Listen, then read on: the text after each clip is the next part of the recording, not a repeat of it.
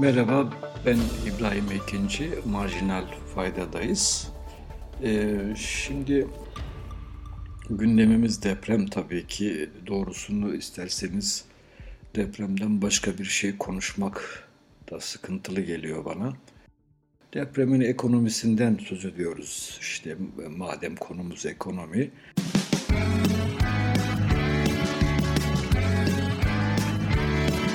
Kulağınız bizde olsun. Kısa Dalga Podcast.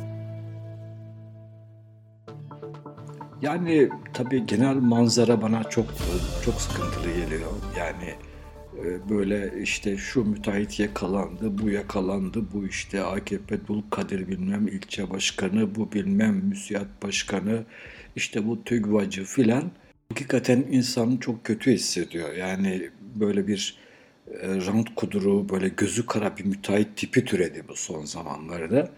Bunlar sanki böyle bir, e, biz böyle bir karanlık vadiye e, sürüldük, sıkıştırıldık hani orada. Onlar avlıyorlar hani e, bizi ve e, işte rakamlar açıklanıyor, işte hep güncelleniyor. 40 binin üzerinde on binlerce yani insanımız var daha ne kadar insanımız da enkaz altında bilmiyoruz.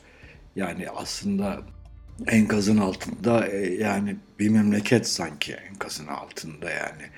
Bunu çünkü bu e, bu buna yol açan bir anlayış iktidara uzanıyor çünkü. Yani e, efendim yani işte düşünün imar afları 1999 e, depreminden sonra çıkarılmış deprem yönetmeliğine uygun olmayan binalar, yapılar yenilenmemiş, elden geçirilmemiş. E, yönetmelikten sonra yapılanlar da yönetmeliğe uymuyor. Bazı tespitlere göre e, yıkılanların yarısı yönetmelik sonrası yapılmış. Yarıdan fazlası hatta bir yerde 52-60 rakamları okudum. Şimdi Dolayısıyla hani o vadiye sürülmüşlük hissinin nedeni bu. Yani bu işleri halletmesi gereken bir iktidar var ama onun hiç öyle bir derdi yok. Ee, imar afları işte e, İskenderun'un altı mahallesini e, işte acil dönüşüm yapılması riskli alan ilan ediyor. Sonra kaldırıyor. Kim bilsin kimler devreye giriyor ilan ediyor. Kimler devreye giriyor. Niye kaldırıyorsun? Bak İskenderun'da deprem oldu işte değil mi? Yani bu hisse gelmemizin nedeni gerçekten e, iktidar ve sanki iktidarla böyle işbirliği yapmış, mesafesi kalmamış bir müteahhit kesimi var. Bunlar her şeyi yapıyorlar. Yani her şeyi mesela o Isis Otel diye bir otel var. Yani çarık çürük bir 60 insan öldü. Kıbrıslı çocuklar öldü içerisinde. Efendim e, galiba şikayet mi olmuş, ne olmuş, kapatılmış, sonra tekrar açılmış. E, sahipleri TÜGVA yöneticisi. Şimdi bunlara yasa mı dayanır? Bunlara yönetmelik mi dayanır? Bunlara bürokrat mı dayanır? Direnecek yani. Anlatabiliyor muyum? Dolayısıyla elbette yani tamam mı? Yani siyaset yapmayalım ama ders çıkaralım. O zaman dersi doğru çıkaralım. Değil mi? Yani birinci ders binalarımız sağlam olmak zorunda. Yani evleri sağlam yapalım. Değil mi? Sağlam yapalım ki deprem olduğunda başımıza yıkılmasın. Ya varsın iktidarla kayıt işler yapsın yani. Yani biz bir kere bundan kaçınalım. Yani kaçınmamız gerekiyor. Vatandaşlar olarak bizim yani hem kendimiz kendi sorumluluk alanımızda sorumlu davranmalıyız hem de bürokrasi, siyaseti de düzgün davranmaya zorlamalıyız. Yani başka türlü bir çıkarımız yok. Şimdi depreme hani biz böyle hazırlanacağız. Ama deprem olduğu zaman da buna müdahale edecek kurumlarımızın da güçlü olması lazım. Şimdi bakıyoruz AFAD bütçesine bakıyoruz. Diyanet'in dörtte biri bütçesi, personeli çok az, araç parkı çok düşük, 2000'den daha az aracı varmış. Yani olur mu? Olur mu? Bakın mesela işte şimdi sayı çıktı. 60 bin bina ağır hasarlı ve yıkık. Bunların 6500'ü tamamen yıkılmış. Ya her enkazın başına 3 tane iş makinesi dikmeniz gerekiyor ki sizin orada bir şey yapıyor olabilirsiniz. 18 bin tane iş makinesi ediyor. Bunun hani müdahale araçları hariç. E şimdi kardeşim yani sizin elinizde hiç olmazsa 3-5 bin tane iş makinesi hazır parkınızda olmak zorunda. Bir 5-10 bin tanesi de hani böyle talimatlandırılmış olmak zorunda. Yani kardeşim özel sektöründür. Dersin ki deprem oldu mu sen hareket edeceksin kardeşim. Motoru kontağı çevireceksin, şuraya gideceksin filan. Bir şey yapman zorunda. Şimdi dolayısıyla dersi ki müdahale ve kurtarma e, kurumlarımız güçlü olmak zorunda. Kurtarma kurumlarımız güçlü olmak zorunda. Bunlar çünkü insanlarımızın hayatlarını kurtarmakla görevli. Hayattan bahsediyoruz. Dolayısıyla burada bütçe hesabı yapılamaz. Değil mi? Birinci ders neydi? Bizimdi.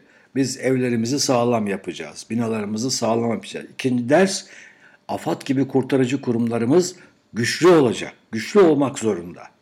Bunlara bütçe vermekte hani e, şey davranmayacağız. Başka büyük bir ders var. Memleketin siyaseti, siyasi idaresi. Şimdi bakın ben bu manzaraya bakınca demin saydım. Efendim deprem riski var, çarık çürük binaları yenilemiyor. Efendim yönetmeliği uygulamıyor. İkide bir hafları çıkartıyor filan. Şimdi o yüzden diyorum bizi bir tünele sürüyorlar. Demek ki bir kere böyle bir siyasetle de olmaz. Böyle bir siyasetle olur mu? Böyle bir iktidarla olur mu? Türkiye deprem kuşağında bir ülke iktidarınız da böyle. Müteahhit dostu. Şimdi yani bakın bir şey söyleyeyim size. İnsan küçük dilini yutar. Depremden iki gün sonra bir üniversiteye, bir mimarlık fakültesine dekan olarak atanan kişi ilahiyatçı. Ne yapacaksınız? Mümkünatı var mı sizin bu işlerle başa çıkmanızın? Yok. Onun için Türkiye bana kalırsa bu siyaset değil. Türkiye gerçekten hani bu işlere adam gibi müdahale gücüne, kapasitesine sahip olmak istiyorsa bir kere AKP'den kurtulmak zorunda. Bu böyle bir anlayıştan kurtulmak zorunda. Bu parti konusu değil. Bundan kurtulmak zorundayız. İşlerimiz güçlü, kaliteli, seviyeli, etkin şekilde görülmelidir. Dolayısıyla bizim hani böyle yani devleti bilmem istila ediyor gibi, ele geçiriyor gibi her tarafı adamlarını yerleştirme derdinde olan bir iktidarla bizim bunun altından çıkmamız mümkün değildir. AKP'nin elinde öyle kadrolar da yoktur. Yoktur. O kapasitesi yoktur. Organizasyon kapasitesi yoktur. Herhangi bir sivil toplum kuruluşu AFAD'dan çok daha etkin çalışabilir bugün. Niye? Çünkü AFAD'ın da başında ilahiyatçılar var. Olmaz yani. Olmaz. Bu bir uzmanlık alanı.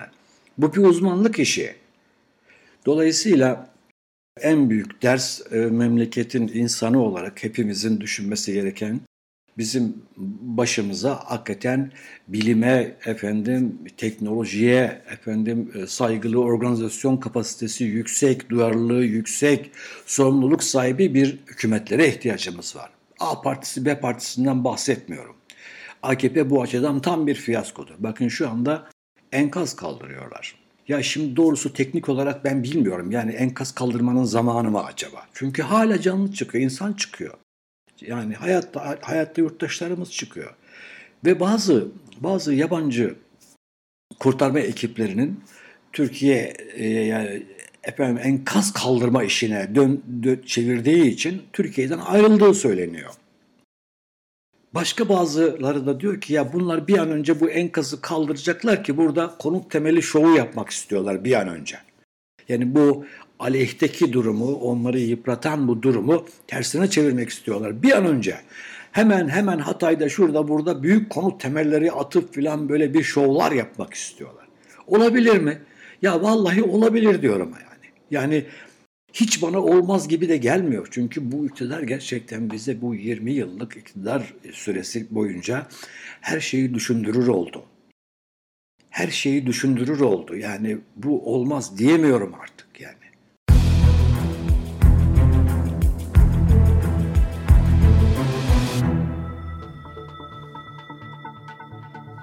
Şimdi evet yani ders alacaksak e, almamız gerekiyor. Evler sağlam, e, kurtarma gücümüz, kapasitemiz yüksek. Efendim ve hakikaten bu işlere bilimle, sorumlulukla bakması gereken bir hükümet. Ortaya çıktı. Kurtarma organizasyonunu bilmiyorlar gerçekten. Bilmiyorlar. Yani siyasetsiz de iş yapamıyorlar yani. Mesela askeriye gecikti. Ya niye gecikti diye soranlar işte bazı böyle kulis bilgileri uçuşuyor. Ne kadarı doğru, ne kadarı yanlış. Efendim çünkü inisiyatif bizdedir. Biz her şeyi yaparız havasını yani şey askeriyeden de tabii hala mı ürküyorlar anlamadım ki. Yani elinizde işte başında Hulusi Akar var işte. adamınız. Yani efendim neyinden ürküyorsunuz? Yani asker öne çıkacak, sahaya çıkacak. Ya asker zaten hani çıkar, güvenlik sağlar. Yani biraz da yardım eder filan değil mi? Yani asker çünkü daha organize bir şey. Efendim mesela bundan çeki ve başkalarının başka partilerin, başka sivil toplum kuruluşlarının yardımlarını kıskançlıkla önlüyorlar. Ahmet Davutoğlu tele, televizyonda açıklıyor. Yüze yakın tır gönderdik. Hepsini girişlerde durdurup aldılar.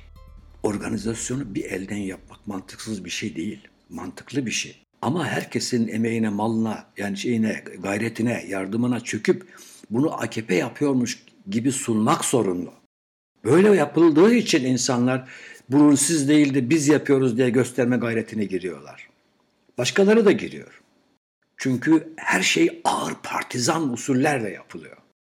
Ağır partizan usullerle. Oysa ki mesela bu deprem büyük bir deprem. Bunu kavramakta da geciktiler. Büyük bir deprem. O zaman memleketin bütün kapasitesini harekete geçirmek için herkesi çağırman gerekiyor. Herkesin gayretini devreye koyman gerekiyor değil mi? Yapamıyorlar. Çünkü istemiyorlar başkalarını. Kimse bir yerde görünsün istemiyorlar. Muhalif belediyeleri aramakta gecikiyorlar. Ya niye aramıyorsunuz diye bağırınca gecik aramaya başlıyorlar. Yapamıyorlar. Partizanlığı aşamıyorlar. Çok hani bir de hani hakikaten liseli seviyesinde argümanlar dolaşıyor ortalıkta. Siz kimsiniz filan filan peşmeken. Efendim yani anlatabiliyor muyum? Yani yardıma gelenleri bölüyorlar. Bu Türk dünyasından geldi, bu Müslüman ülkelerden geldi filan. Başka mesela e, Yunanistan'ın, Ermenistan'ın, efendim İsrail'in filan yardımlarını filan görünmesin, itmeler, kalkmalar. İsrail ekibinden bir grup erken ayrıldı. Tedirginlikleri yüzünden. Ya kardeşim böyle işler bütün dünyada dostlukları geliştirmek için, dayanışmayı geliştirmek için iyidir. Aslında bakın buradaki manzara ne biliyor musunuz? Bu zulümkarlar olmasa, bu birbiriyle itişip kalkışan hep banacılar olmasa dostuz biz. Bütün dünya hakları dosttur. Kardeştir hep birbirimize koşarız, koşmalıyız, gösteriyoruz. Her yerde oluyor bu. Ama devreye ne zaman siyaset girerse o zaman bölünüyoruz. Mesela bir tane bir tane adam var çıkmış. Bu casusluğa dikkat edelim. Casusluğa. Sanki memleket hakkında casusluk yapmak isteyenler depremi bekliyorlar. Neyin casusluğunu yapacak deprem bölgesinde enkazda? Burada çok çok büyük enkaz var diye rapor mu verecek? Nedir yani? Ve sanki Türkiye'nin kapasitesini, gücünü filan kimse bilmiyor yani. Ya bakın böyle acayip şeyler var. Ya bu gerçekten de bu anlayışlarla, bu kafalarla yani mesela ne memleketimizin bütün imkanları devreye girebiliyor ne dost ülkelerin ya da yani dayanışmak isteyen ülkelerin yardımları, imkanları devreye girebiliyor. Hep bölücü, hep parçalayıcı, hep itici, hep kakıcı. Şimdi bu depremin maliyeti hakkında daha önceden de biraz konuşmuş olduğumu hatırlıyorum. Çok çeşitli çıkarsamalar var ama henüz manzarayı tam göremiyoruz. Yani açık bu. Mesela ben e, ilk tahminleri yapmaya başladığım zaman 40 bin civarında binadan söz ediyordum. Yani yıkık ve ağır hasarlı. Sonra o 50 bini geçti. 51 bin diye hesap yaptık sonra 56 bin olduğu anlaşıldı. Şimdi 60 bin rakamları geldi. Yani hasarın tam boyutunu bilmiyoruz. Dolayısıyla ancak kaba tahminler yapılıyor. JP Morgan diye bir Amerikalı kuruluş var. O sadece fiziki hasarı yani yapı hasarını 26 milyar pardon 25 milyar dolar seviyesinde yani 500 milyarlık bir fiziki hasardan bahsediyor. Gelecek Partisi bir şey yapmış, e, analiz yapmış. Onlar fiziki hasarı 26 milyar dolar olarak tahmin etmişler ama hani altyapı yıkımları var, sosyal yardımlar yapılması lazım, tazminatlar, borç silmeler, destekler var filan. Bütün bunları koyunca 40 milyar dolar yani 800 milyar liralık bir mali e, portre çıkarıyorlar ortaya. Fakat hani ihtiyaten bunu 50 milyar olarak alınmasında fayda var. Yani bir bütçe planlaması yaparken 50 milyar dolarlık bir yük var karşımızda diye düşünülmesi gerekir diyorlar. Fakat daha yüksek tahminler de var. Yani Türkonfet ciddi bir iş örgütüdür ve onun yaptığı analizlere göre söyleyeyim size Milli hasıla kaybı yani şirketlerin, fabrikaların durmasından doğacak kaybı 10,5 milyar dolar olarak tahmin etmişler. Konut ve yapı zararını 71 milyar dolar civarında tahmin etmişler. İş günü kaybını 3 milyar dolar civarında tahmin etmişler. Toplamda 84 milyar dolarlık bir kayıptan yani mali yükten söz ediyorlar. Dolayısıyla yani bence de hani ihtiyat nedir? En yüksek e, gideri öngörmektir ve tabii ki yurttaşlarımızın hani çok büyük desteğe ihtiyacı var. Mesela Aziz Çelik Hoca, Profesör Aziz Çelik Hoca hemen mesela çok bence mantıklı bir öneri getirmiş ama mesela depremde hayatını kaybedenlerin hak sahiplerine demiş eş, çocuk, anne, baba prim gün ve çalışma süresi şartı aranmaksızın Sosyal Güvenlik Kurumu tarafından aylık bağlanmalıdır demiş. Bakın mesela çok akıllıca bence. Çok akıllıca. Burada hani e, örneğin ne yaparsınız bu büyük yıkıntının altında evini, barkını, e, yakınını, hayatını, her şeyini kaybetmiş insanlara bir acil mali destek sunarsınız. Bu televizyonda e, şey e, e, memleketi soyan müteahhitlere şey bağış bağışçı, hayırsever payesi vermeye de benzemez işte. Gerçek devlet burada ortaya çıkar. Herkesin bankamatiğini hesabına yatar, kartını verirsiniz eline vatandaş çeker, kullanır. İşte devlet bu. İşte devlet bu. Siz ne yapıyorsunuz? Cengiz'i bağlıyorsunuz. 3 milyar verdim filan diye. Cengiz 30 milyar da verse bizim gözümüzde değişmez ki yeri.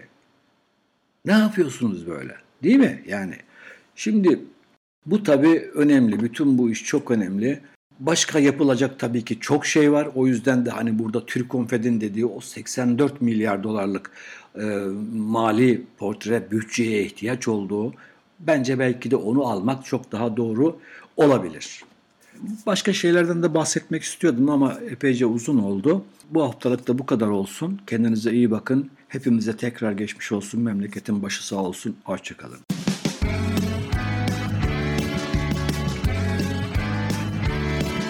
Kulağınız bizde olsun. Kısa Dalga Podcast.